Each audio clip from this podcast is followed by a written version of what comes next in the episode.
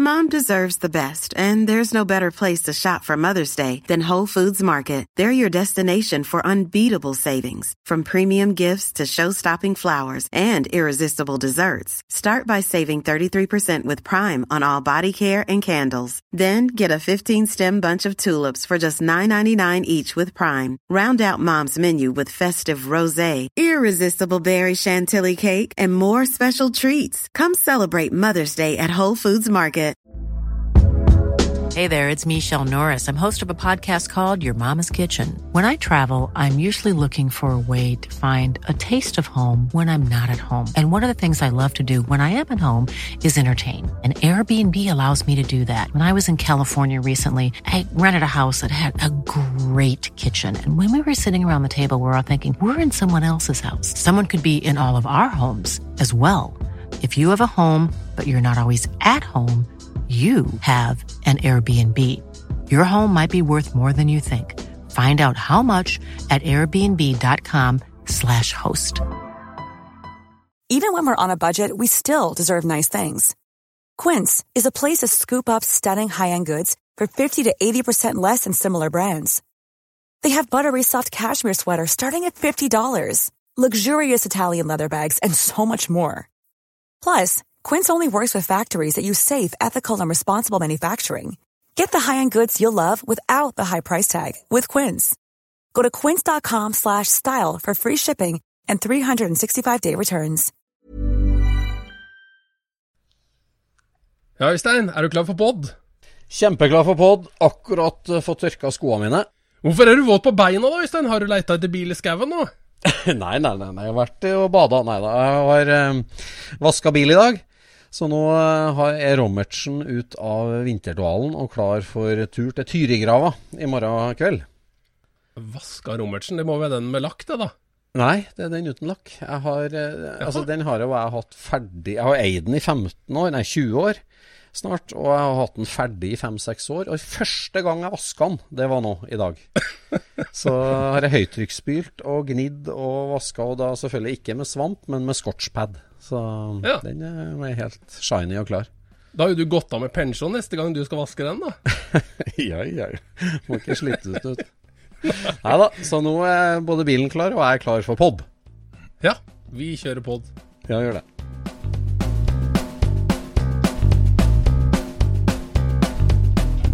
Du lytter nå til Scootspodden, en norsk podkast om klassisk bil med Jon Roar og Øystein.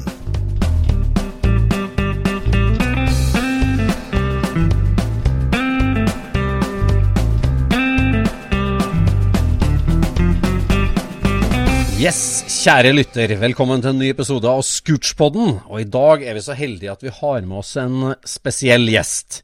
For det er jo sånn at i alle firma og i alle organisasjoner så er det jo én som sitter med en finger med i alt, og som vet alt som skjer, og som er liksom den, derre- altså den digitale ryggraden, nærmere IT-sjefen, eh, i eh, firmaet. Eh, Og i det norske folkevognmiljøet så er det en sånn krumtapp eh, som eh, har vært med i alle år. Og som det Men jeg har jo vært med mange ganger, jeg da, Øystein. Du, altså, du tar skryt når du ikke får det, du. Nei, det er en stor glede å ønske Stavangers eh, store sønn velkommen, kjære Trond Dahl. Hei, hei. Takk for det. Ja. IT-sjef, den var ny. Ja. Primært så er du jo bilentusiast, og en, eh, og en ordentlig ekte sådan.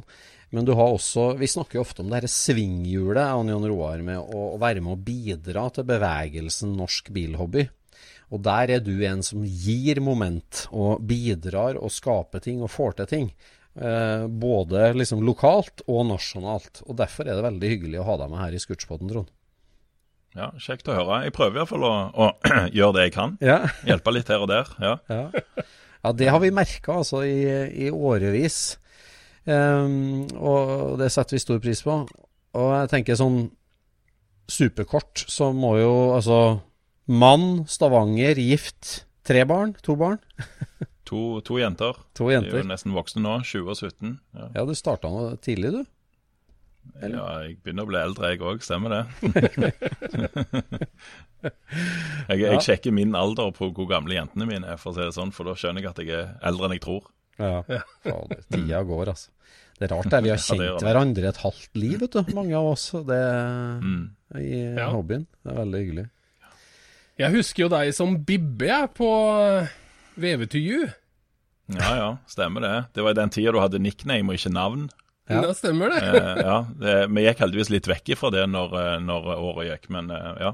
Før var det jo sånn at når du dro på treff, så, så kunne du ikke si 'hei, jeg er Trond'. Du måtte jo si at 'hei, jeg, jeg er Bibbe', og så visste 'oi, er det deg'? Da skjønte jo folk hvem du var. Så Ja, det var sånn. er litt interessant. Jeg har vel egentlig aldri hatt noe nickname, det har bare vært Juhu. Ja, Ja, ja. du holdt deg til det. Nei, for det, det, det er jo sånn med- folkevognhobbyen, der vi sitter i som, som med alle andre bilmiljøer. Nå har vi hatt gjester fra Fiat-miljøet og fra Citroën-miljøet, og alle snakker jo om forumtida som den store tida. Og det var jo da altså, sånn Norge foreneder, skulle vi si. Altså det, når bilhobbyen gikk fra en lokal klubb på, i hver en by til å bli et nasjonalt fenomen, det var jo for alvor når foruma eh, inntok hobbyscenen. Mm. Ja, og da snakker vi vel midten på 90-tallet, da, eller? Ja, kanskje slutten av 90-tallet. Jeg husker jo det var eh, Oslo VV-klubb hadde jo et forum. Ja. Eh, og så dukka jo da Veve to you opp med Tom Roger Berg. Det tror jeg er eh, 98 eller noe sånt nå. Ja. Og da var det full fart der. Jeg husker ikke helt når det tok slutt, men det var i hvert fall eh, Det var så gøy at det var eh, helt hinsides. Det ble en, virkelig en akselerator på hele hobbyen. Ja, det ble det, altså. Og, og det er ikke bare i vårt lille miljø, det, det gjelder eh, altså, om det er Amcar du snakker om, eller hva det er, så, så det er forumbevegelsen. Når ble du var forummann, Trond, og ble Bibbe for første gang? Nei, Bibbe for første gang. Nei, det var vel egentlig når jeg studerte. Den ikke kom da på forum og sånn som det. Men, eh, men eh, VV2U, når du først er inne på det, det, det tror jeg gjerne var i sånn årtusenskifte at jeg gjerne registrerte meg der, tror jeg. Ja. Da var det litt når jeg hadde hatt en tørkeperiode på folkevogn og hadde kjøpt ny. og Da måtte du plutselig google litt og få opp litt forum og få hjelp. og Da havner du fort inn på ei sånn side. Du gjør det. Så det ble mye internett, da. Ja, altså i, i den tida hvor jeg studerte og sånn, så var det jo ikke bare forum som var populært, men det var jo dette med å chatte på internett og sånn, og da hadde du dette som heter IRC, og det var vel egentlig der jeg, jeg, jeg først brukte det nikket, da, Sånn sånn sett. Eh, og så tok jeg det med meg videre når jeg gikk over til forum. Mm. Men altså, Trond, vi må spole litt tilbake til det, for du eh, er jo da en ung mann eh, eh, fra Stavanger. si, og du, når, når, altså Folkevognhobbyen og bilhobbyen generelt, du, ta oss litt tilbake til hvordan starta det eh, for deg? Ja, jeg tror Altså, bilentusiast var vel ikke akkurat når jeg var ungdom. Eh, Da var det andre ting som sto i hodet på meg. Men jeg hadde en, han eldste broren min han hadde en del eh, mopeder, motorsykler og eh, biler. Deriblant en Og jeg husker en eh, Det må ha vært en sånn midt 60-talls eh, Det som iallfall på den tida eh, var en Callucker. Det var en hvit med MP5-språk, hvitmalt MP5-språk, husker jeg. To tolvtommere i bakruta. Eh, pioner, eh, vet ikke om jeg skal kalle det, sånn, sånn rack-system. sant, med Det var en egen kassettspiller, egen forsterker, egen equalizer, og alt hang i patentbånd under Ja. dashbordet. sant? Så, eh, så, så det er liksom den første bobla jeg eh, på en måte husker, eh, som jeg Ja. eh, beit meg merke i, da. Um, Hvilket årstall snakker vi nå? Jeg var ungdom, så eh, ja, det var nok eh, sikkert tidlig på 90-tallet. Mm. Kanskje Ja. enda lenger tilbake. Husker ikke helt. det, ja. Han var Eh, tidlig ute, han broren din da, med Calluc i Norge. ja, egentlig. Han, han var jo på en måte han det er jo, altså Hvis du går tilbake igjen i den eh, lokale folkevognklubben òg, så er det jo de som på en måte starta den. De er jo i aldersgruppa hans. Så han var jo i det på en måte den gjengen, da, selv om jeg vet ikke hvor mye han var inne i det miljøet, da, men, eh, men det, er den, det er den aldersgruppa hvor den, der den tidspunktet der den klubben ble starta, for å si det sånn. Og Ja. Da var det vel mange eh, pastellfarga bobler eh, i området, tenker jeg. Ja. Så, men det er det som er liksom den første bobla som jeg husker som jeg syntes var kul. da. Mm. Um, jeg var litt mer kjedelig sjøl. Jeg hadde en halvautomat da jeg var 18 år, som jeg bytta til meg med en platespiller og litt cash. um, jeg, husker, jeg, husker, jeg fikk en enormt lang oppstartsprosedyre. For at du måtte liksom starte bilen, stå i ti minutter for at den skulle varme seg opp før du skulle kjøre den framover. uh, og jeg gikk, tok meg den hjem til min far, som, som jeg vet iallfall har skrudd litt. Og så, og så, fortalte jeg liksom hva greia var, og så sier han vi går ut og kikker. og så og så var det liksom opp med fordelerlogget. Det var jo første gang jeg så et fordelerlogg. Jeg var jo tross alt bare en, en datanerd. Og så, um, og så, ser vi jo at det stiftene lå helt inntil. og ja, så Nå vet jeg jo hva det betyr, men da var jeg litt, litt mer uh, var ikke helt med på det da. Så bytta vi de, og så raste jo bilen av gårde etterpå. Det var en helt annen bil med en gang. Så tenker jeg det var en god investering å bytte en platespiller mot denne. Plutselig var det en helt annen bil. Ja. Så det var den første, første bilen jeg eide da jeg var 18 år. Den hadde jeg ja, Spesielt å gå fra én ting med stift til en annen ting med stift. Det er litt kult bytte, da. ja. ja, ikke sant. Han trodde kanskje han uh, bytta stift mot stift, men uh, ja. Nei, det var spesielt, det.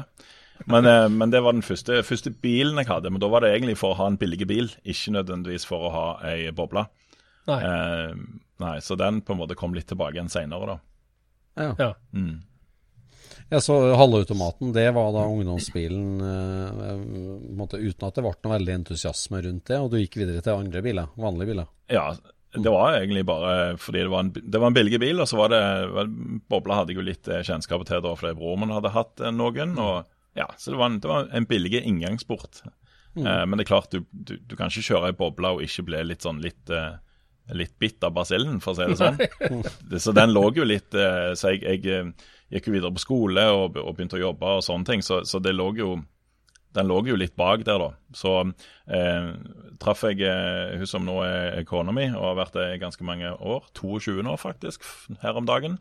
Um, så, eh, og hun òg har jo hatt eh, folkevogner sjøl, så da på et tidspunkt så fant vi ut at vi skulle gjerne hatt en folkevogn. Og da kjøpte vi en. Ja. ja, for altså, kona di er jo kona di er født i California og kommer fra California. Mm. Så når du sier hun har hatt boble før, så har hun hatt uh, blå skilt i, i California. Ja, stemmer det. Så hun, så hun har hatt eh, På det tidspunktet så hadde jo hun hatt mer folkevogner enn jeg hadde. Eh, men jeg har tatt henne igjen nå, da. Um, sånn sett. Nå, nå, har jeg hatt mer enn det hun hadde. Så, men det er jo litt kjekt at hun på en måte um, har hatt sånne biler og syns de var kjekke, for da var det litt lettere for meg å på en måte ja, ja. forhandle inn litt, for å si det sånn. Så, eh, ja. Har du et kult bilde av henne da, med lappen og 16 år på beachen i California med en kul boble, eller? Um, nei, ikke lett tilgjengelig. jeg, jeg, jeg, mener jeg har sett noen bilder en gang, men de tror jeg er hennes mor uh, i California som, som sitter på. Mm. Ja. Det, men det er sånn, du, sånn for 15 år siden da vi bladde gjennom familiebilder, så var det jo noe. Så, ja, ja. Kult. Hva var den første bobla du kjøpte når du fikk velsignelse om å skaffe deg boble igjen? Ja, det var det. Jeg, jeg, jeg, sliter litt med å ta igjen hva årsmodell det var, men jeg tror det var en 71. Uh, 71 en hvite. Var, eh, var veldig fine, husker jeg. Og helt, helt, helt originale. Så ja. det var en eh, kjekk bil som vi, vi, kjørte rundt med og hadde en del år. Eh, og så solgte jeg den videre på et tidspunkt. Um, hvilket, hvilket, år, hvilket, årstall er vi på nå, når du gjenopptar hobbyen, og du og kona?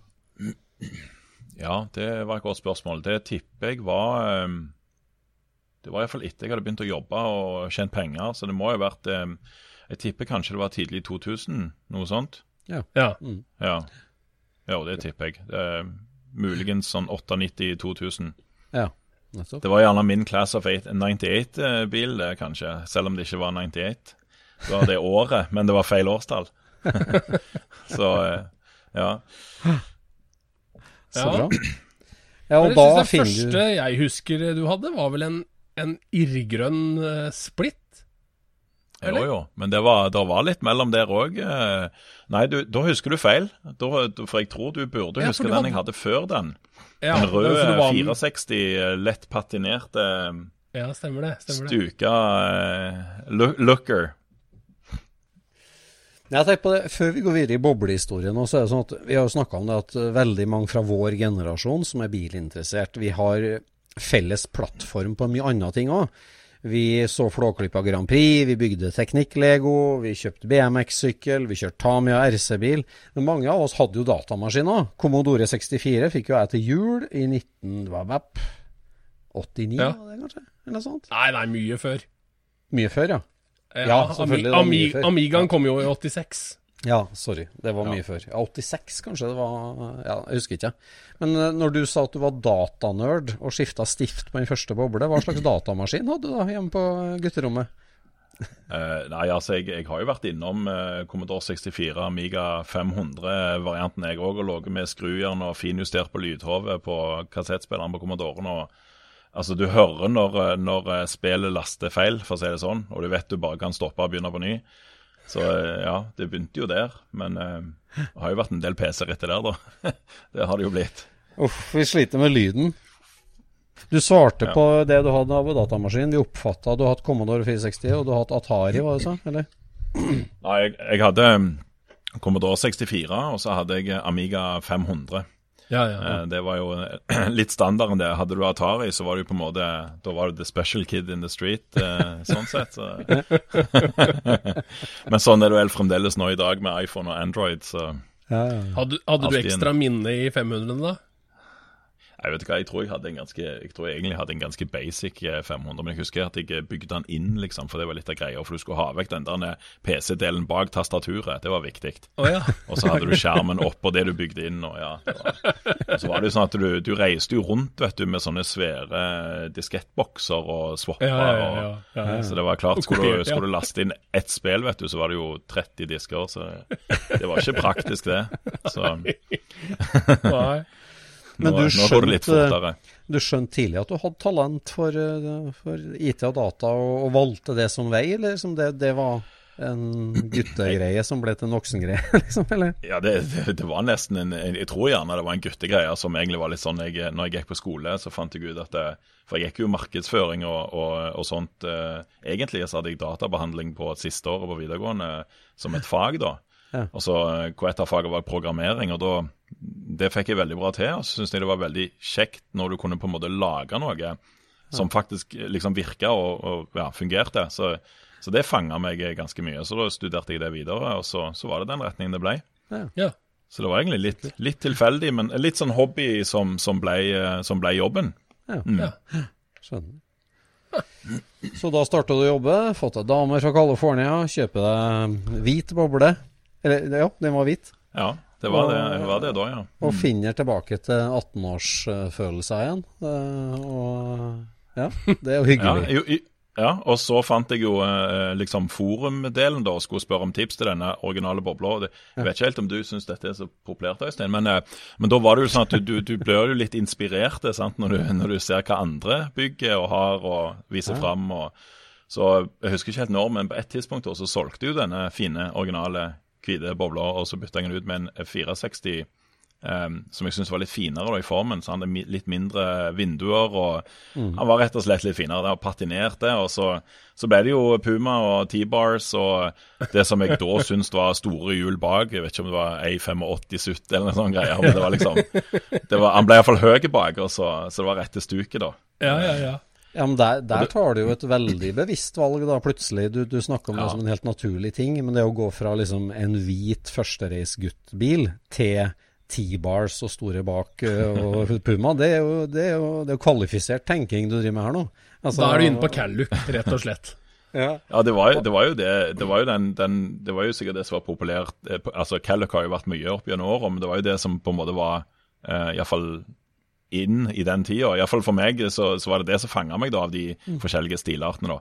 Eh, det var jo det var jo også litt den Restolykka har jo òg begynt å, å komme da, men, eh, ja, men jeg, jeg syns det, var- det var tøft. Så eh, På det tidspunktet så var ikke motor så viktig, for det var vel en, det var en 1200, så vidt jeg husker. Ja, ja. Så, Men altså impulsene, impulsa, impulsene der nå, er du, har du nå kjøpt deg For nå er vi da på tidlig 2000-tall omtrent. Eller 98-99, rundt der. Ja, nå begynner vi vel å bevege oss litt innover mm, Vi begynner å bevege oss litt innover på 2000-tallet nå, ja.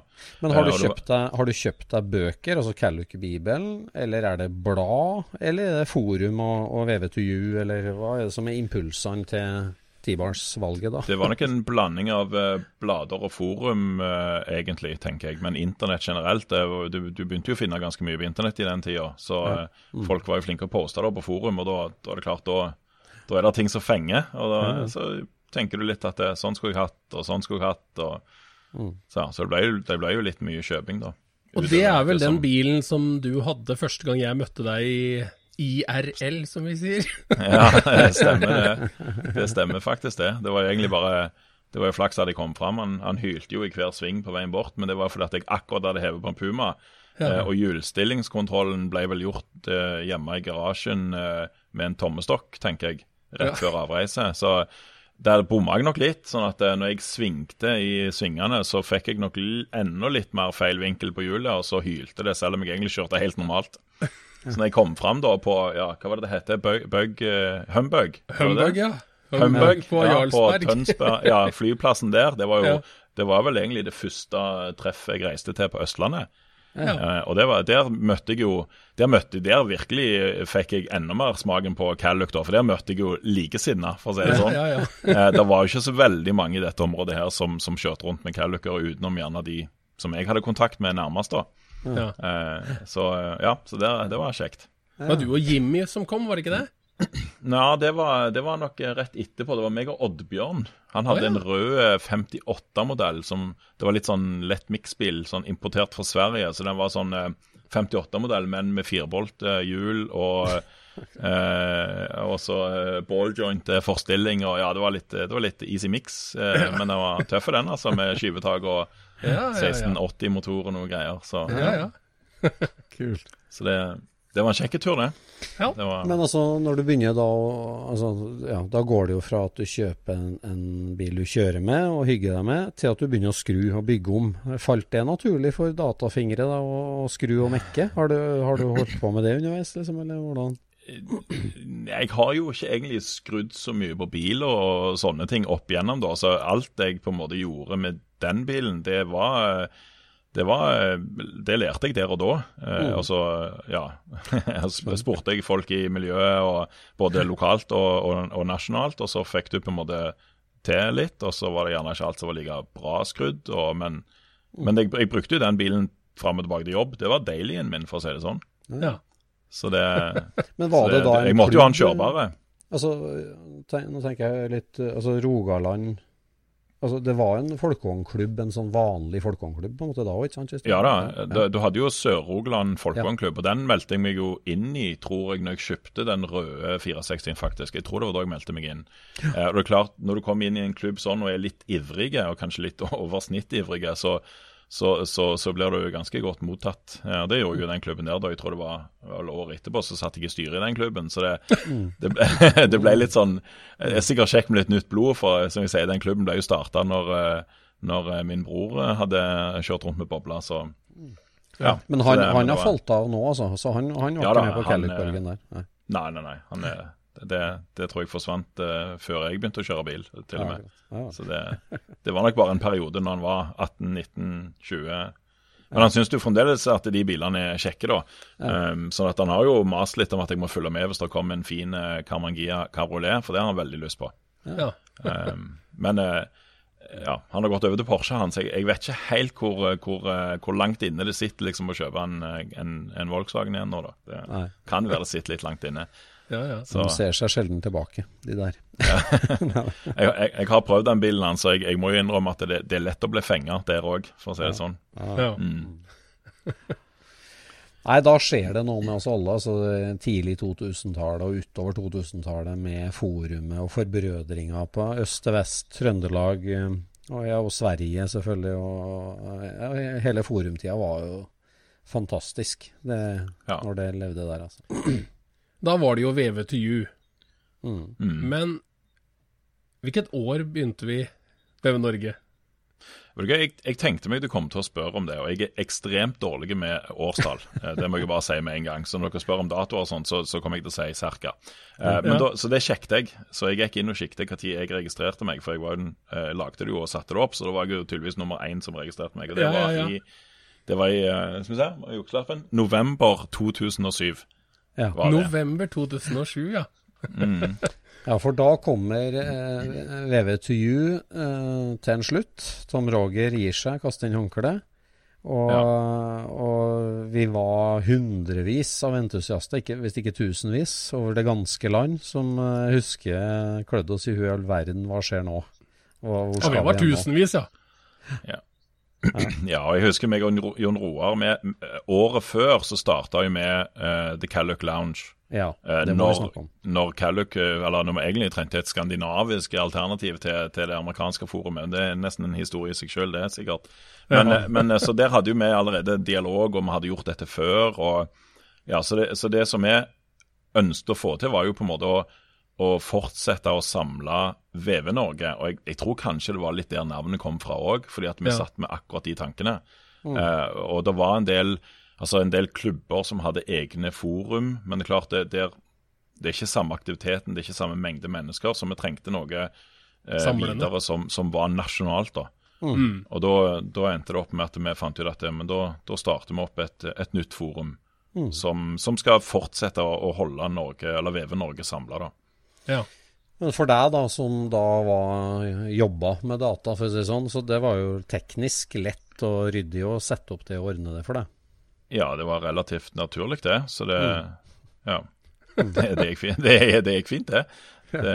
Da ble litt, Vi må jo det si det at vi hadde, en, Mm. vi hadde jo en voldsom suksess med den der eh, Calluck-loungen. Ja. Ja, For, egentlig. for det var jo et engelskspråklig forum som vi laga for Skandinavia, og så klarte vi jo liksom ikke lande på ja, Hvilket språk skal vi ha? Skal vi ha norsk, eller altså, hva skal vi ha? Så tok vi engelsk. Ja, ja. Og plutselig så hagla det inn amerikanere. ja, og amerikanerne i mangel av Calluck.com med sitt forum, jeg tror de var litt sånn sultne på at eh, Men hvor skal vi snakke om Callux nå? Ja, For det ja, jo bare. Calluc.com stoppa det, eller? Ja, det gjorde det. ja det stoppa Det- jo litt etter at loungen hadde starta òg, på en måte. Ja da, for jeg, jeg, hvis ikke jeg husker helt feil nå, så starta vel egentlig loungen som et skandinavisk alternativ. Ja. Fordi at Calluck.com var veldig sånn USA-fokusert, og svenskene hadde jo sitt eh, Hva var det det het? Det var- SCLF. Ja, stemmer det. Mm. Eh, så vi trengte noe, eller vi, jeg husker vi diskuterte om vi trengte noe som var litt mer sånn Altså, vi, vi trengte noe i Norge, men hvorfor bare begrense det til Norge? Vi trengte jo et skandinavisk forum. Ja. Og så ble det det, da. Så ble det The Calluck Lounge, for det skulle være en sånn avslappet casual plass å bare diskutere eh, Calluck, selvfølgelig. sant? Hva, Ja, ja. hva annet? Det var jo i den tida det var pop. Det var i 2006, det. sant? Og Ja, da var jeg jo innom den grønne, så du snakket om den 52-modellen. Det var vel den jeg hadde i den tida. Ja, Ja, så det Så det Ja. Så gikk det jo så det gikk da når Calluck.com-forumet stoppet, og plutselig så rant det inn med folk fra California, og så England ble jo kjempepopulært blant, blant engelskmenn. Ja, og så var det jo ikke Det var jo ikke helt vanlig Joe Blow, liksom. Det var, det var liksom de navna som du bare hadde sett i, i blader og bøker, ikke sant? Det var jo Stemmer den gamle garden. Ja, det er klart når Sarge kom inn og forteller historier, og det, det, det er litt spesielt, altså. Det er det. Ja. Ja, Så- det er jo et tidsdokument av en annen verden, en del av de trådene på loungen. Altså Det, det er litt kjekt å gå tilbake og se, ja. Det er Ja. f.eks. noen tråder hvor Johannes, som vi kjenner veldig godt nå, da, Persson, Ja. eh, sant? hvor han før mange gjerne ikke visste hvem han var engang, og spesielt ikke de i USA, hvor han lager en helt sånn tekniske, seriøse tråd og forteller og forklarer, og folk bare liksom bare Nei, nå må du gi deg. Det der er bare Ja. tull og sprøyt. Og Ja, ja. Jeg tenker han har bevist det i motsatt nå etter disse årene. Ja, liksom. Så- ja, ja. Det er litt løye å gå tilbake igjen og lese de trådene, faktisk. Der er vi inne på noe av det som gjør forum eh, så fantastisk, da, som gjør at vi savner forum, føler jeg. Det der med at det blir som et oppslagsverk. Du kan søke, du kan finne, det ligger de lange trådene. Altså, det er klart mange av oss uh, Calluck-boka til Keith Hume, som vi vel leste, var det Folkshow 97 eller noe sånt, at han lanserte den? Ja, ja. Og, som ble Bibelen, så er jo loungen med sine tråder og bilhistorier og sånt, den er jo et oppslagsverk på samme måten. Og det, det har vi jo mista helt nå de siste ti åra. Pluss at, plus at loungen, den, der kunne du snakke med alle de menneskene som ikke er omtalt i, bo, i boka. Så fikk du høre Ja, vi Ja. gjorde ikke alle sammen sånn som det sto i boka. Vi gjorde sånn og sånn og sånn, ikke sant? Ja, ja, ja. Du fikk liksom høre alt det som er rundt boka. Og, og det viser seg òg at det er veldig mange syns det var kjekt å gå inn på loungen og fortelle sine historier. Ja. For det da, Hvis du går tilbake igjen på de, de eldre trådene og leser, på amerikanerne spesielt, da, så, så er det mange som liker å, å gå inn der og fortelle. Sant? Og mange som har lange tråder hvor de, har, hvor de liksom poster liksom først én tekst, og så ser det ut som de har forberedt liksom et eh, langt Word-dokument som de har klippet opp i, i ti, ti poster, og så er det bilder. og Det er jo kult, da. Dette er, Det er kjempegøy. deres eh, gamle skanna bilder som de legger ut. og Ja. så det, det, ja. Det er mye historie der, for å si det sånn. Ja, det er mye historie. Altså det der, eh, ja. Altså, skulle si, det, det skulle blitt bok av det, men det er jo en digitalt oppslagsverk så go godt som noe, på en måte som det. da. egentlig. Ja. Ja. Og Derfor er det òg at det selv om på en måte Det er klart når Facebook kom, så, så avtok eh, eh, besøkende, for å si det sånn. Men det er klart det har jo hatt en, en viss minimumsmengde uansett. Men det er veldig, veldig kjekt å, å holde det gående. Eh, selv om det er mindre folk, fordi at det, det er det å, å ta vare på alle de trådene og den historikken, i tillegg til at selvfølgelig folk fremdeles bruker det. Men det er så, my det er så mye kjekt å gå tilbake igjen og, og ha tilgjengelig. da. Ja. Det er det jeg tror mange savner med Character.com òg, for der òg hadde de diskutert samme ting og, og sånn som det, men, men forumet er vekke. Så, så alt er gone. Jeg har 14 gigabyte med bilder liksom på, på Calic Lounge eh, som folk har posta. Altså, det, det er jo Det er veldig kjekt å ha tilgjengelig, sant? Eh, Det er Grunnen til at jeg vet det, er fordi at jeg nettopp måtte bytte en av harddiskene til en ny harddisk, og da måtte jeg kopiere over de 14 gigabytene fra en backup. Så det er derfor jeg visste størrelsen. så det, Ja, for er serveren står hjemme hos deg, da, rett og slett, gjør den ikke Ja, det? det har, det har variert litt. Jeg har hatt eh, både server hjemme hos meg, eller det har jeg for så vidt alltid hatt, men jeg har hatt forumene kjørende der en stund. Um, og så har jeg òg hatt de på forskjellige hosting-providere som, som, som eh, lover masse til billige penger i forhold til alt. Men eh, det er klart, de forumene, uh, egentlig begge to, de har vært ganske populære i perioder. Og da treffer du fort en eh, limitation på nei, nei, du kan ikke ha så mange database-connections på likt. Og du kan ikke ha så mange gigabyte dataoverføring av bilder på én måned. Det er jo altfor mye. Ja, men det skulle jo være free, liksom. Det er ingen limit. Jo, men det er alltid en limit. Så da eh, til slutt da, så gadd jeg ikke krangle mer, og så flytta jeg bare alt hjem igjen. Og så har jeg hatt det hjemme nå ganske lenge. Så jeg setter ikke på, jeg, begrensninger på meg sjøl, så det er for det som man får høre når man snakker med andre i andre miljøer, er jo at når, når man har liksom et, et forum, så er det liksom ja, fem til ti innlegg om dagen. Noen dager ingen innlegg. Altså, men sånn var det ikke å være medlem på VV Norge eller Loungen. Nei, nei, nei. Altså, hva, hva, hva er gjennomsnittet, liksom? Det må jo være Ja, det, På, det er på det verste så må det jo ha vært 100? 200? Ja, på det verste var det jo mye mer enn det. Det var jo eh, sikkert 500 på det toppen. Det var jo sånn at jeg, altså, jeg burde jo gjerne ikke si dette på en podkast, men, men eh, det er klart eh, um, Og dette gjør jo alle, sitter jo på Facebook i arbeidstid og sånn som så det. Men det er klart, på det verste, når du da er moderator i tillegg, og du må i tillegg til å bare lese, så må du følge med litt òg.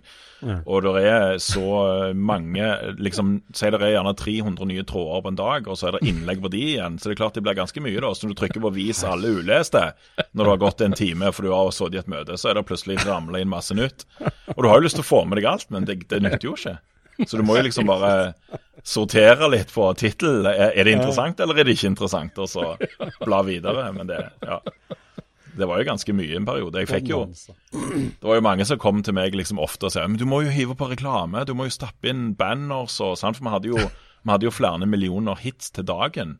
Og det er klart at da, selv i den tida, så kunne det ha generert litt. Men, men det, det som jeg alltid tenkte da, var at ja, men jeg vil ikke, jeg vil ikke liksom For det, det verste jeg vet, er å gå inn på en nettside som er bare helt over uh, forsøpla av uh, annonser overalt. og den, du, du må lete etter teksten du egentlig skal lese. Ja. Så det, det gjorde vi aldri. Og vi, det, eller vi hadde vel et par unntak hvor vi hadde noe, noe for eh, en, en finske forhandler som vi kjenner godt, hadde vel en banner på toppen på loungen og noe sånt. Men, men holdt eh, disse annonsene som popper overalt, de, de holdt vi vekke. Ja. Det var liksom ikke vits å, å, å ja. Altså, jo- Serveren i kjelleren, så var jo det greit. Ja, det er klart det. Det, det, jo- det, har jo en, det har jo en liten kostnad, men det er jo ikke store utgiften eh, med å drive disse forumene sånn sett. Så det, da var det heller bedre å holde det rent for eh, sluttbrukerne, for å si det sånn. Det har gått noen kilowattimer med, med strøm, da, på å snurre de her diskene. Eh, vi snakker ikke om sånt. Nei.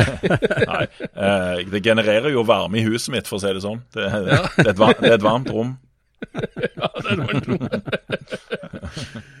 Ja, men det, det, er så verdifullt. altså Snakke om ja, svinghjulet og lekegrinda. Ja, de serverne, de bildene. Det er, jo, det er jo, så viktig. Det som skjer der midt på, på 2000-tallet, er jo at uh, det miljøet der rundt Calluck, det vokser jo for fullt i begge ender, tenker jeg. For at du fikk masse mm. unge folk, eller um, unge voksne, i Europa som tok til seg det til hjertet, og så spredde det seg som ild i tørt gress blant de gode, gamle gutta i California.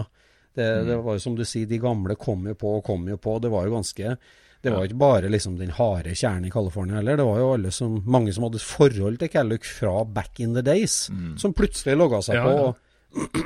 DKK ble jo gjenskapt fordi at uh, loungen fantes. Ja. Så det var jo søsterklubben til DKP.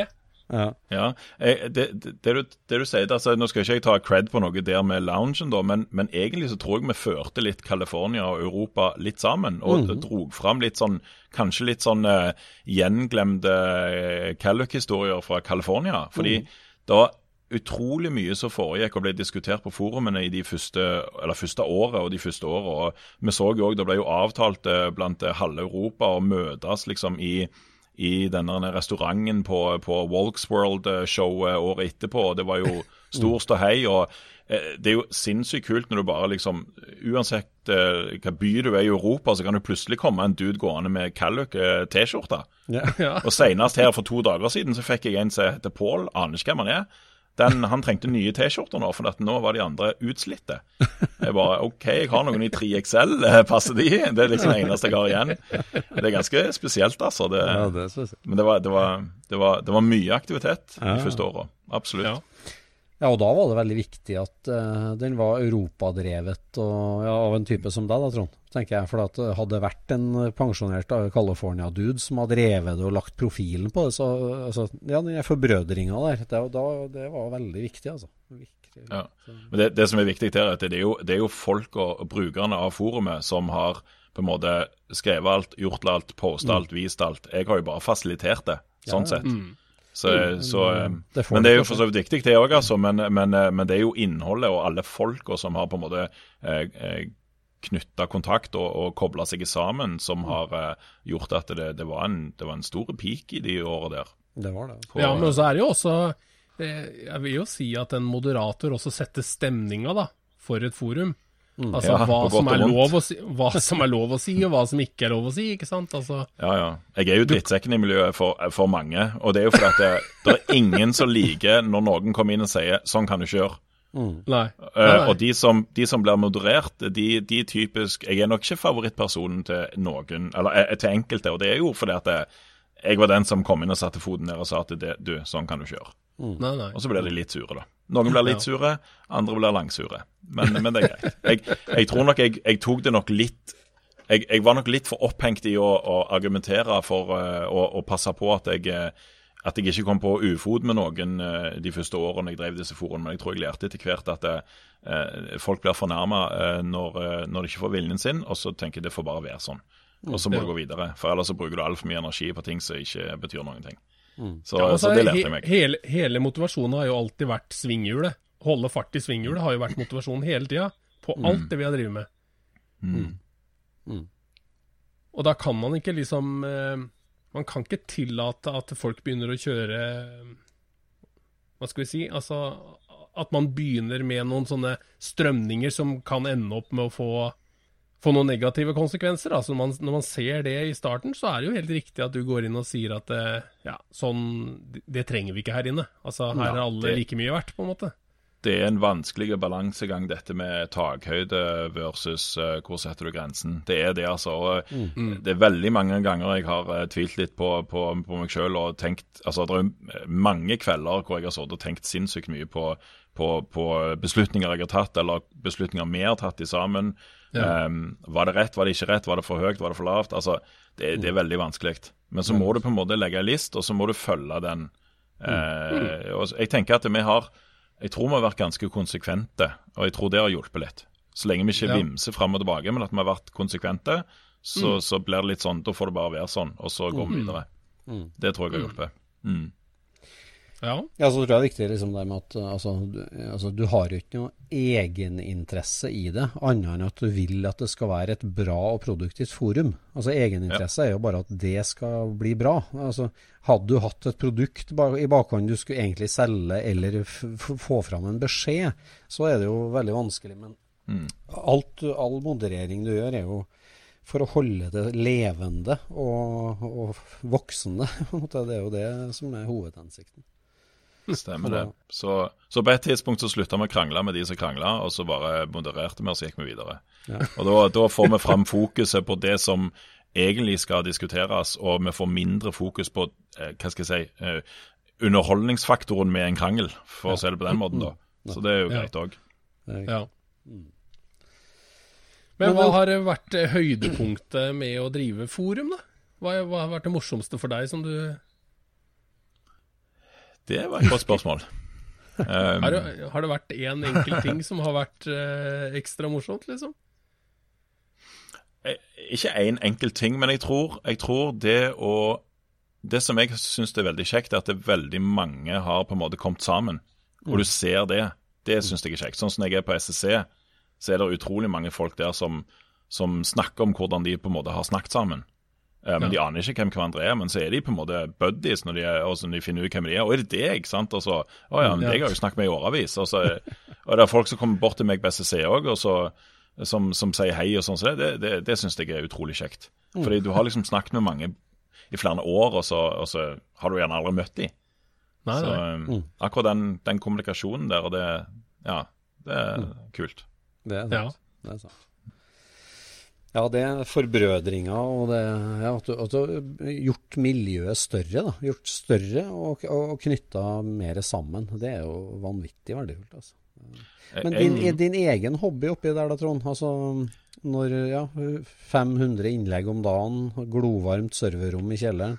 Hvordan, hva, hva, skjer med din egen hobby? da? Du, du lærer jo mye om Calluc du òg, selvfølgelig da. når du... Ja, jeg, jeg, jeg, leser jo alt det andre skriver òg, så jeg, jeg, har jo grunnen til at jeg tror dette har vært eh, på en måte kjekt å holde på med, selv hvis det har vært litt, eh, litt surmuling, så er det fordi at jeg har jo holdt på like og vel så mye med det sjøl òg, eh, parallelt. Mm. Eh, så det eskalerte jo for min del òg. Det mer aktiviteter var, det mer aktivitet var der hos meg òg. Altså lys i garasjen eh, klokka 11-12 om kvelden, eh, det var det jo veldig ofte mm.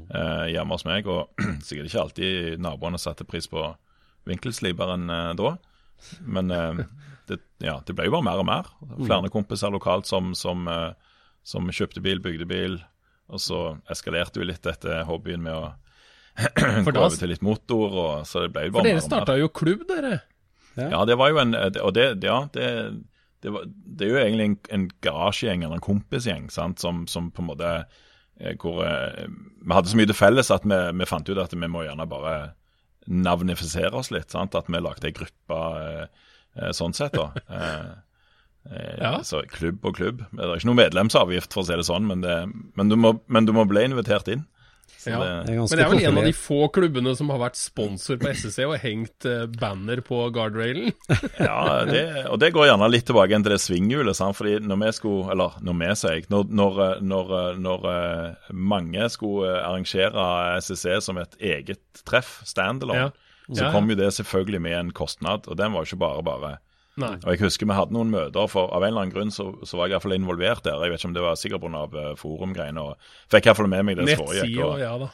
ja, så, uh, så, det er sikkert så, Litt engasjert, så klarte jeg iallfall å være med på det lasset der òg det første året. og da, da, husker jeg vi måtte, eller vi hadde iallfall en, en idé om at vi skulle ha inn sponsormidler for å dekke baneleien. Jeg tror det var baneleien ja. Eh, for at det, hvis det plutselig skulle, eh, selv om det aldri regner med SSC, i tilfelle det skulle regne med SSC, så, så, og, det ikke, og det gjerne ikke kom så mye folk, så skulle iallfall ikke um, vi som arrangerte det, uh, sitte igjen med noe kostnad ja. som ikke var dekket. da. Så jeg husker, uh, Og da var jo folk ekstremt flinke å dra inn sponsorer fra både fra Tyskland og Norge. og det var liksom uh, Jeg tror jeg noen firmaer, lokale firmaer til folk som, som spytta i og kjøpte disse sponsorpakkene. Og, så, og da fant jo vi òg ut at det, eh, kanskje vi skulle eh, bidra, vi òg, da.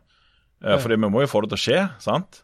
Ja, ja. Så da husker jeg at vi òg kjøpte en sånn sponsorpakke, da. DKL-klubben, som det heter. Og så, Så husker jeg vi hang opp, eller lagde sånn banner, da, så vi fikk hengt opp de på guardrailen. da, Så det, det er jo litt stas. Så det, det hjelper gjerne, det òg. Det ble iallfall arrangert SSE, så Det ble det. Mm. Nei, det var fenomenalt. Og, den lokale klubben, det er jo DKL, ikke sant? Som, eh, hvor mange medlemmer er dere der? Ja, det er med, det er Som ikke betaler avgift? Eh, Som ikke betaler avgift, ja. Nei, vi er vel en eh, det er åtte, ti pluss minus. Det er jo noen som har kommet og noen som har gått. Og noen Ja. som har gått over til andre hobbyer. Så, så alt er relativt på hvem som på en måte er med i klubben, da. Så Ja, ja. Akt, aktive folk er jo gjerne det vi fokuserer mest på. Det, det varierer litt, det òg, når um, folk får unger og selger Ja. bil og kjøper bil. Og, ja, men det, det er sånn Men det racing da, Trond, det blei plutselig viktig. Ja, det, det, det, hadde seg egentlig sånn at det, Altså, SSC det er jo en motivasjon i seg sjøl, sant. Eh, og de første åra jeg var der, eh, det, det var jo jeg, jeg begynte vel å gå på SSC et par år før, altså når det var en del av Right On.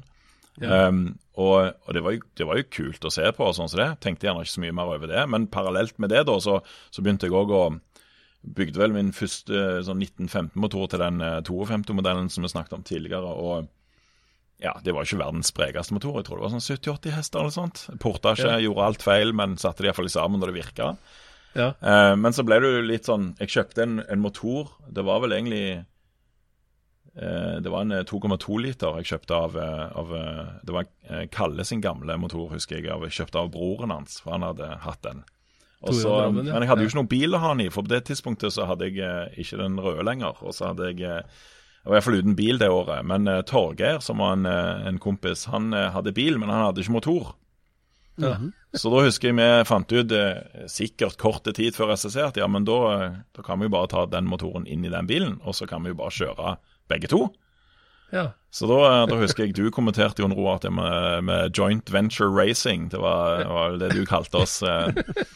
Men det var kult, det. Vi fikk begge kjørt, eh, kjørt løp. Det var første gang jeg kjørte dragreis, det. eh, Ja. I det hele tatt. Eh, Så det da kjørte vi vel Jeg tror begge to kjørte sånn 13 sekunder, noe sånt.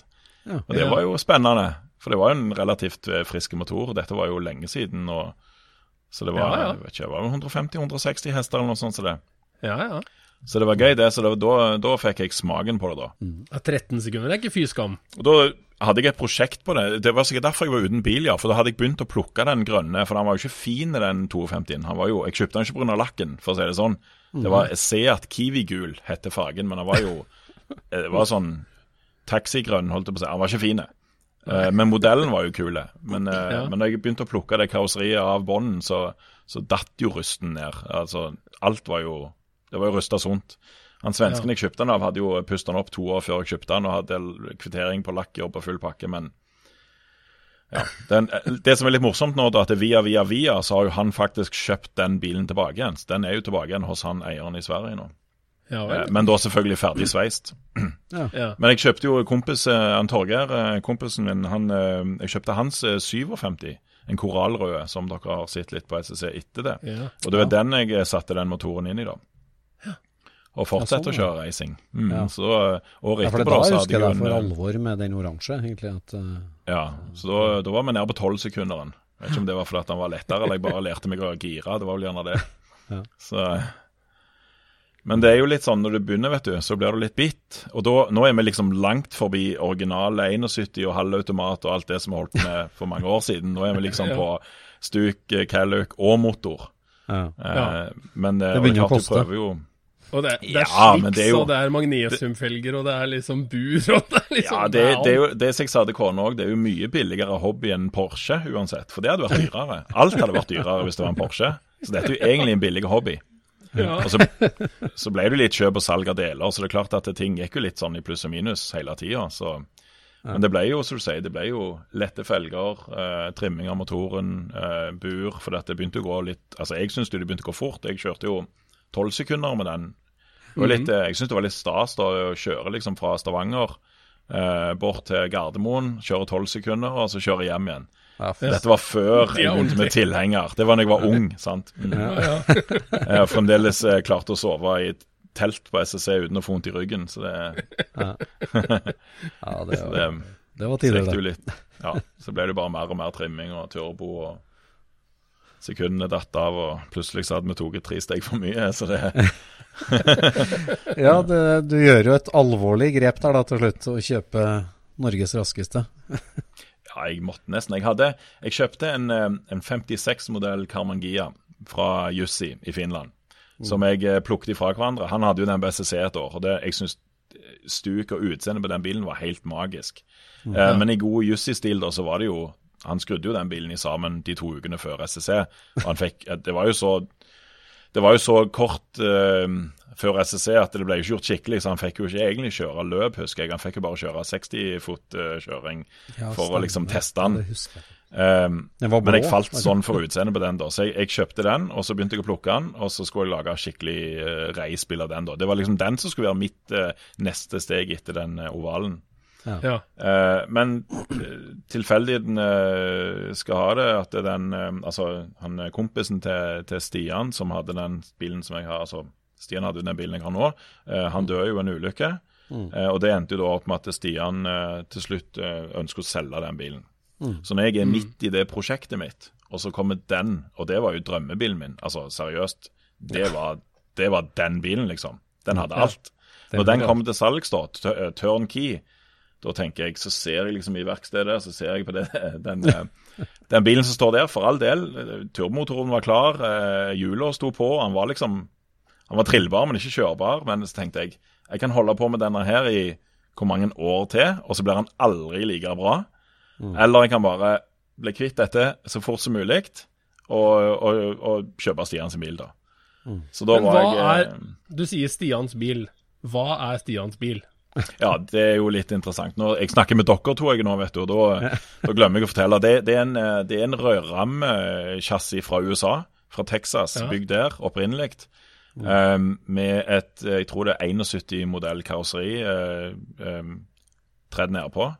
Ja. Uh, men, eh, men det bygget i seg selv er utrolig gjennomført.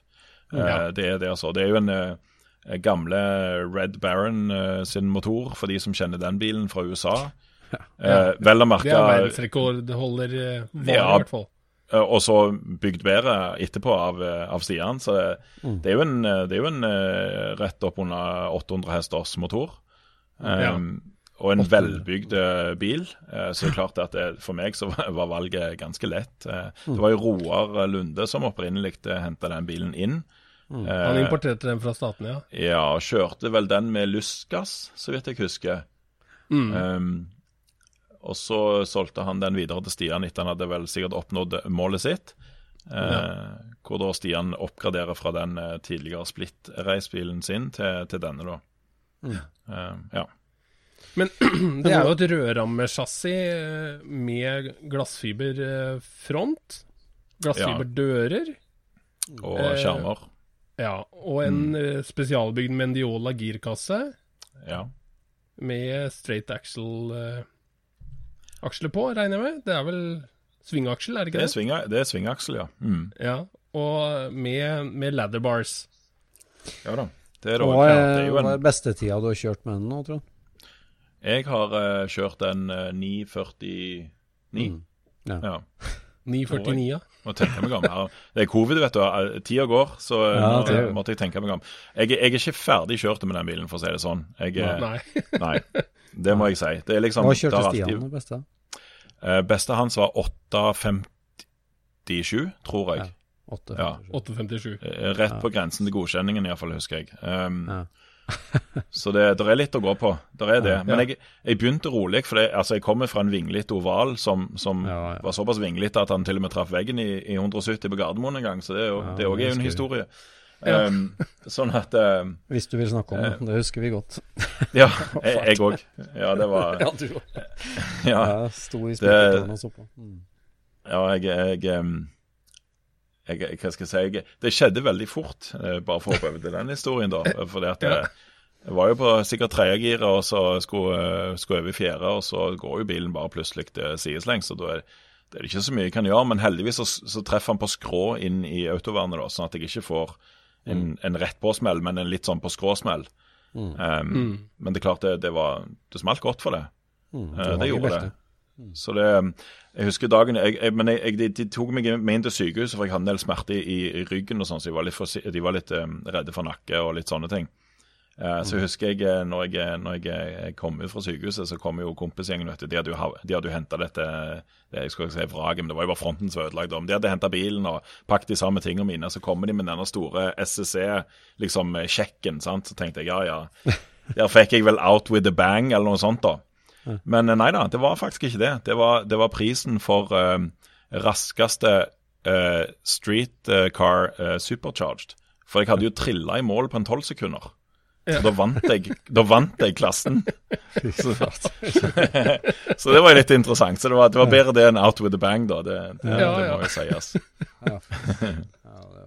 Kona satte ikke helt pris på den telefonsamtalen. Det var det eneste. Ja. da kjøpte du like godt en bil som går fire sekunder fortere.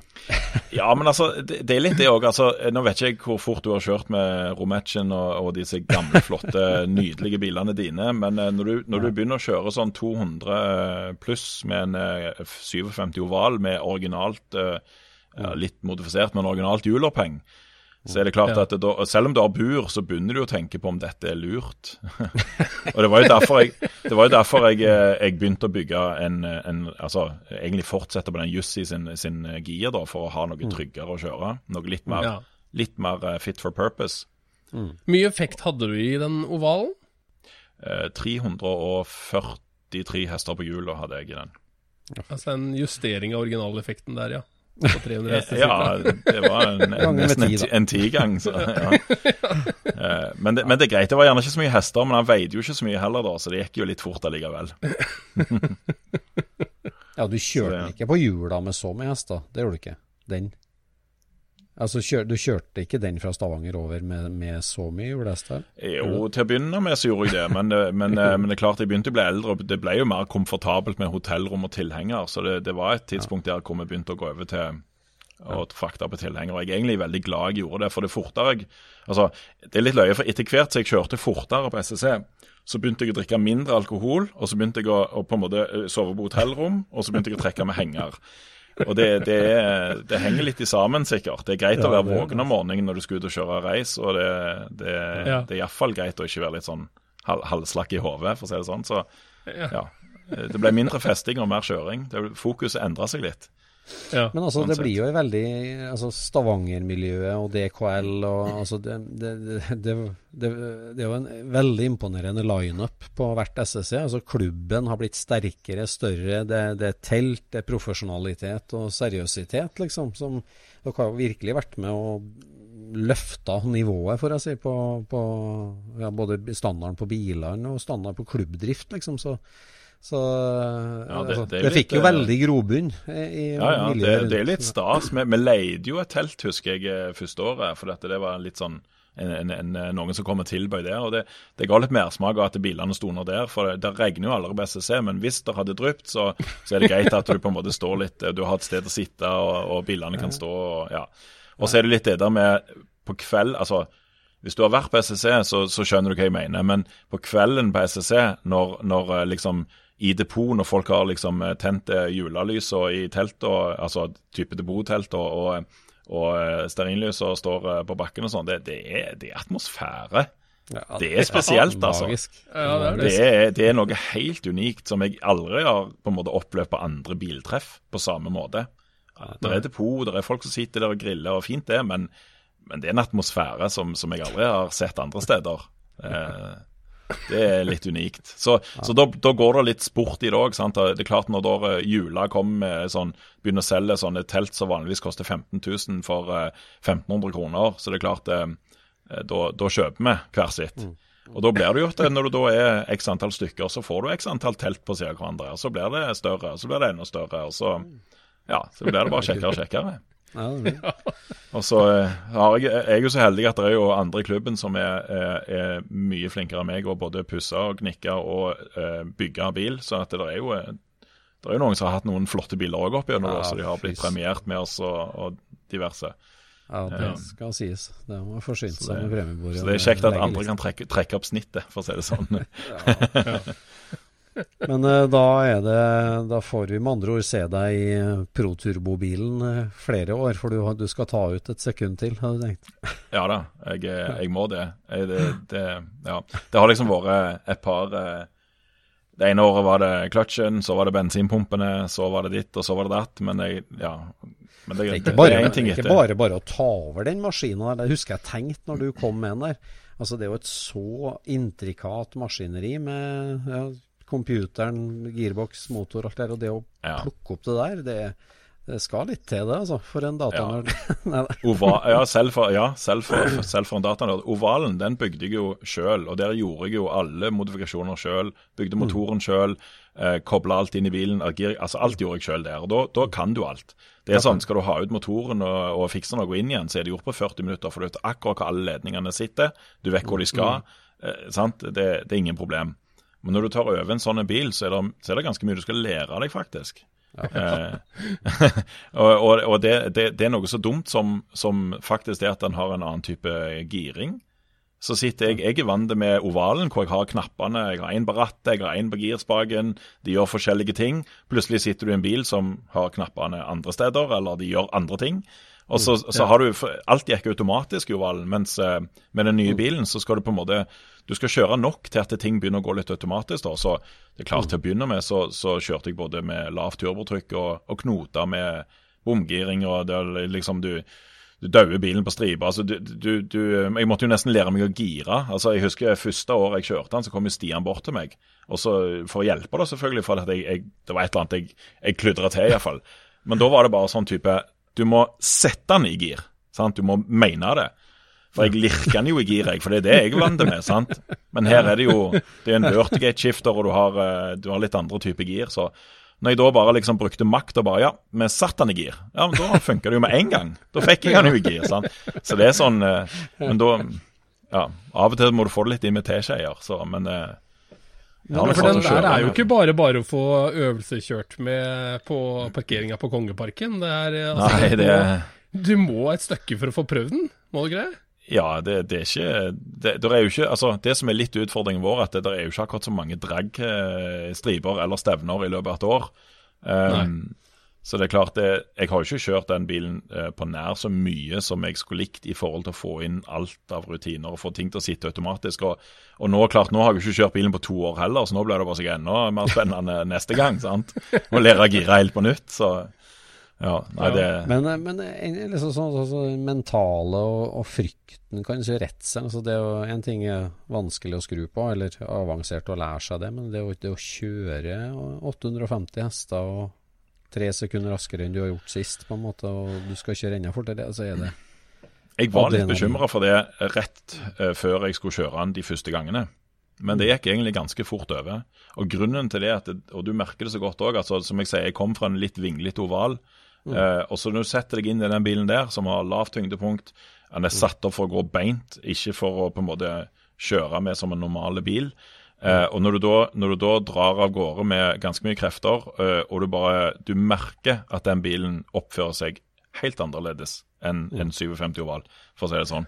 Eh, så Det er egentlig en betryggende følelse, faktisk. Så er, Han er, som forventa, mye bedre å kjøre enn ovalen på Gardermoen. Det er det ingen tvil om. Så ja. Nei, fy søren, vi gleder oss til å se den tilbake. Og vi gleder oss til, ja, som du sier, fakkelboksene, teltene og kveldsstemningen. Det, det er på tide. Jeg savner det nå, altså. Ja, det... Men nå legges jo billettene ut snart, Jon Roar, for årets eh, store happening på Gardermoen.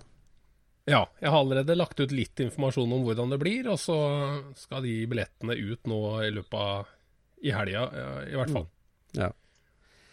Så det så. er 20. til 22. august. På Gardermoen har du luftavkjørt Porsche eller folkevogn, så er det plassen å være. Det er ikke noe annet å diskutere, det.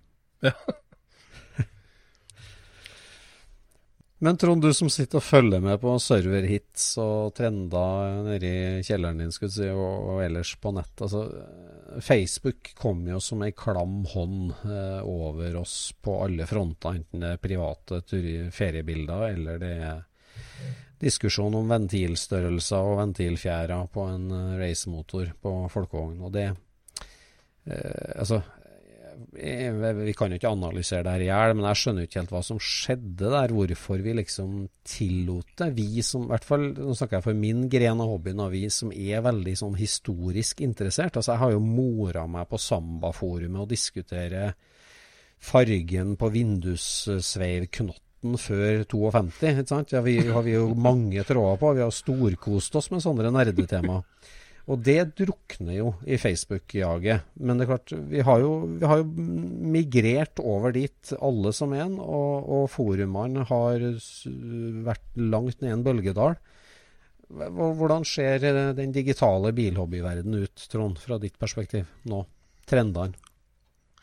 Ja, altså, jeg tenker Hvis du tenker litt sånn hvordan Snapchat eh, fungerer nå, så skjønner du hvorfor Facebook ble populært når vi hadde forum. Altså, Plutselig mm. da kunne du poste et bilde, og så bare ble det vist til alle du kjente, og pluss. Og så var det masse likes. og Så, så det blir litt den der eh, Du får en rask fiks. Eh, eh, litt ja. sånn så alt bare blafrer forbi, og det er litt sånn, det er litt sånn ungdommen er vant med nå, tror jeg, på alle fronter. Eh, og det, det, tror jeg bare kommer til å fortsette. Um, mm. Men, eh, men det, er jo, eh, det, er jo, litt interessant å se nå at det er jo enkelte som har begynt å blåse litt liv i gamle prosjekttråder og, og sånt på VV Norge òg. Og det er, jo, det er, jo, kjekt. Og da ser jeg automatisk på statistikken òg at besøkstallene går opp. Så det, det, handler om at når folk eh, deler og skriver, eh, gjør mer enn det som tar ett sekund å poste på Facebook, så, så, er det plutselig masse folk som leser òg. Det er folk som har spurt meg nå i det siste om om å kunne risette passordet deres, for nå skal de plutselig inn og lese eller svare på noe som, som det er lenge siden de har gjort. da. Mm. Så det er litt kjekt, da, men jeg, men jeg, tror nok at storhetstiden for forum den er nok forbi. Mm. Det, det, er nok litt mer eh, Dagens ungdom har ikke attention span som varer lenge nok, tror jeg, til å, til å lese gjennom en prosjekttråd. Ikke like mange Nei. ungdommer, iallfall. Men det, det, går ikke an å, det går ikke an å digitalt på en måte linke Facebook og forum på noe vis. Sånn at uh, altså, ja, Som en prosjekttråd eller et tema, da, f.eks. Vi har, det er jo en Facebook-side som er KDF-deler. Vi diskuterer merking av krigsmodell folkevogndeler, f.eks. Og det er jo kjempeverdifull sånn historisk dokumentasjon for nerder, men det drukner jo bare i det store hølet. Altså, hadde det vært en måte å liksom pinne en Facebook-post og så fått det inn i et slags sånt arkivsystem à la et forum, da. Men uh, det er kanskje ikke marked for sånt. det, Facebook er jo veldig flinke på eh, å tillate folk å bygge eh, programmer mot Facebook. Altså de, til, de har jo API-er som gjør at du kan programmere mot det. Men det er klart det tar ja. veldig lang tid å sette seg inn i det, og ikke minst lage disse tingene. Um, ja. Og den jobben jeg snakket om i stad, den har jo ikke blitt eh, altså den er ganske travel. så selv om jeg har tenkt på det mange ganger, faktisk, både det å kunne knytte eh, Facebook-poster inn til forumet og, og andre veien òg, så, så, mm. har det egentlig bare blitt med tankene pga. Mm. tilgjengelig tid i, i, døgnet, rett og slett. Eh, for min del iallfall. Mm. Ja, mm. Men det er muligheter, absolutt. Ja, Nei, det, det ja. Bare det som du sier, gå gjennom en prosjekttråd og lære seg ting, sånn som vi gjorde midt på 2000-tallet. Å lære ting, om hvordan vi skal skru og ene. Det, ja. Og jeg, jeg, ser jo jevnlig f.eks. Vi har jo han eh, Svein Terje på Sørlandet. Han er jo veldig flink på mye, men han har jo lagd noen uh, tråder rundt dette med, med lading og, og, sånne ting. Og det er klart, du kan ikke like lett gå på Veve Norge på Facebook og søke etter um, problemløsning på ladesystemet ditt på ei boble, og bla gjennom poster for å finne ut hvordan du skal fikse problemet ditt. Da er det mye bedre med en tråd Eh, hvor eh, Svein Terje har vært flink til å, å, å, ta bilder og skrive og dokumentere steg for steg. Hva sjekker du? Mm. I hvilken rekkefølge sjekker du? Hvordan vet mm. du om det er sånn og sånn? Det er klart, det er ganske Det, det får du ikke på Facebook. Eh, det gjør du ikke. Det, Nei, jeg har, jo, jeg har, jo, hatt sånn med, med egne prosjekter, sånn som eh, Når jeg har liksom tenkt på hva har jeg egentlig gjort med 1303-en. Den har jo jeg hatt et prosjekttråd på, på, på loungen. Og da eh, har jeg liksom scrolla meg tilbake der og så bare Hæ, jeg har jo bytta det der før, jeg. nå, nå, er det bare utslitt på nytt, liksom. jeg husker ikke alt, vet du, men når du ser i tråden Ja, ja, det var sånn, ja, det var da skjedde det, ja, og derfor gjorde jeg sånn, ja, ok. Mm. ja. Ja, Det er veldig, veldig kjekt å ha sånne. for Er det en bil som du vet er nydelig, og så vil du tilbake igjen og se hva var det den fargekoden var, ja, da drar du ned til prosjekttråden hans, og så blar du til side 20, og så fant du det. Eller hvis Ja. du lurer på hvordan i alle dager en snekkermester klarte å bygge 500 hesters turbomotor, ja, da har du oppskriften på det òg. For han har delt alt, sant. Det, ja. Ja. Den evige forumstråden til Roy Grelland må jo være en av de lengste som er der. Altså, han har jo Gjennom hele Facebook så har han jo kjørt på. ja han, er, han er svinghjulet til Veve-Norge når, det gjelder- å holde liv i det, for å si det sånn. Det er ingen tvil om det. Ja, Han er, han er flink Det skal sånn. han ha skryt for. Men i forhold til antall views, så er det ingenting som overgår hengerstroppetråen. Stropping på Ja, det skal vi ikke snakke om. Det er jo naturlig nok. Det er jo et evigvarende tema som eh, vi alltid kan vende tilbake til. Og få nye tanker og ideer. og Kan vi alltid skape oss fiender med å gå tilbake dit. Jeg er, jeg er meg og eh, Morten Tønnesen som har den flotte brune ovalen som, som, mm. som dere har Som sett, jeg er helt sikker på. Um, Vi kjørte jo til Volksworld med den et år, og, eh, og da, da eh, Det var litt interessant. Da kjørte vi med Vi hadde fire hjulstropper, eh, for all del, men de var stroppa på en måte som sikkert ikke var i henhold til Jon Roars eh, eh, fy- fysikk og regler om, om stum stropping og you name it. Jeg tror ikke vi skal dra fram bilder av den engang, men gjennom snøstorm i Danmark og det ene med det andre. Men vi kom faktisk til England og tilbake igjen uten at de stroppene bevegde seg en millimeter, men det var nok litt flaks òg. Men Trond, hjem i din garasje nå, da kan du si. Altså, du kan jo ikke bare kjøre 8,5 sekunder på stripa med, med rødrammebil. Hvilke andre prosjekt skulle du på nå? Ja, jeg, jeg, jeg må jo si jeg gjorde jo den tabben Jeg tror jeg kan si det ganske øh, ærlig, at jeg gjorde den tabben å selge ovalen når jeg kjøpte reisbilen. Det var nok litt av det, øh, det regnestykket i forhold til å eh, i forhold til å kjøpe den bilen. Men det er klart, i ettertid så er det den ene bilen jeg angrer på at jeg har solgt. Uh, Men jeg uh, tenkte òg at jeg kan jo ikke bare ha en racebil og så ikke ha ei boble så jeg kan kjøre. Det, det, det går ikke. Da, det funker ikke. Så da kjøpte jeg en 1303. Um, Den var jo liksom eh, kule felger, senka motor. Um, men jeg tror jeg har blitt litt prega av å ha turbomotor opp gjennom åra. For det, han ble nok litt mye stillestående, og det tar jo vekk litt av poenget.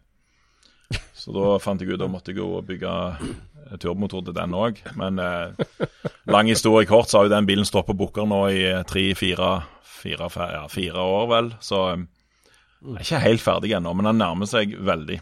Mm. Så jeg håper jeg har en kjørbar snart igjen, da, sånn at jeg faktisk har en kjørbar bil òg. Du får fyre opp tiggsveisen og, og få det ferdig. Ja, det, det, er ikke, det er faktisk litt, litt tigging igjen nå på noe trykkgreier. Så er egentlig motor og turbo og alt det opplegget der ferdig. Så det er bare elektronikken rundt ECU-en som gjenstår. Så resten er egentlig ferdig. Så Jeg lurer på om mora til Morten Brattås kjenner igjen bilen sin. jeg. er det der han kom fra, ja? Ja. Er det det? Ja. ja, det er herlig. Det er herlig. Nei, men det, det her var en veldig hyggelig reise, Trond. Både med din bilinteresse og den her, ja, digitale ryggraden til, til hobbyen. Enten det er internasjonalt Calluc-miljø eller norsk folkehåndmiljø. Det, Det er, mye, av det er mye kjekt å tenke tilbake på. Det innser jeg Ja, når vi er sitter altså. og snakker sammen. Det, og dette er jo bare 10% eller 2% av egentlig alle historiene de siste Ja, det, 20 åra. Så Ja, fy søren. Har, det har underholdt oss mye, altså en del av dere trådene som vi har vært igjennom og ledd av og snakka. Altså, det som skjedde på forumet er jo én ting, men alle de telefonsamtalene og pratene i teltet på kvelden og alt sammen. Da så du det, og jo han gjorde det. Det har jo virkelig gitt næring til bålet, altså. Det er bra sikkert. Det har vært skummelt å sette de tallene der eh, sammenstilt, hvor mange timer som er brukt på Veve-Norge opp igjennom. ja, jeg har statistikk på det, faktisk. Jeg, vet hvem, jeg, jeg, jeg kan gå inn og se hvem som leder den statistikken om hvem som har vært mest inne og sjikt. Så, det, ja. så da vet vi hvem som har ut den. brukt arbeidstida si der. Så, ja. Nei, veldig hyggelig. Veldig hyggelig. Tusen takk for det du har gjort, Trond. For ja. å bidratt til berikelse av hobbylivet til veldig mange.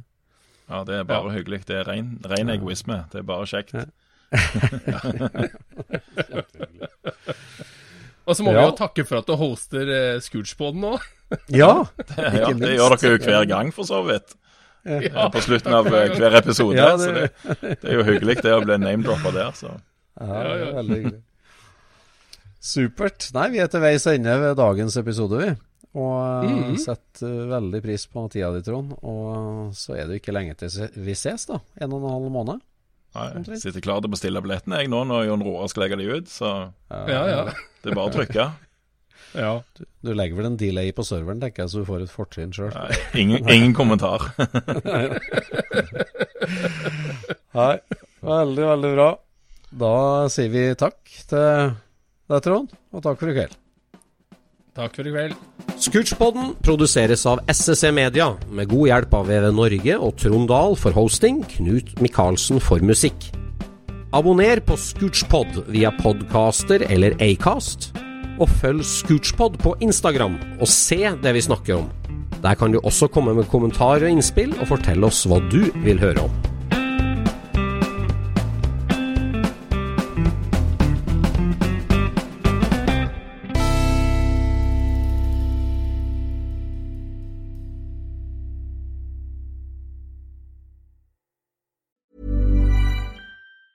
Planning for your next trip? Elevate your travel style with Quince. Quince has all the jet setting essentials you'll want for your next getaway, like European linen, premium luggage options, buttery soft Italian leather bags, and so much more. And it's all priced at 50 to 80% less than similar brands. Plus, Quince only works with factories that use safe and ethical manufacturing practices. Pack your bags with high-quality essentials you'll be wearing for vacations to come with Quince. Go to quince.com slash trip for free shipping and 365-day returns. Mom deserves the best, and there's no better place to shop for Mother's Day than Whole Foods Market. They're your destination for unbeatable savings, from premium gifts to show-stopping flowers and irresistible desserts. Start by saving 33% with Prime on all body care and candles. Then get a 15-stem bunch of tulips for just $9.99 each with Prime. Round out Mom's menu with festive rosé, irresistible berry chantilly cake, and more special treats. Come celebrate Mother's Day at Whole Foods Market.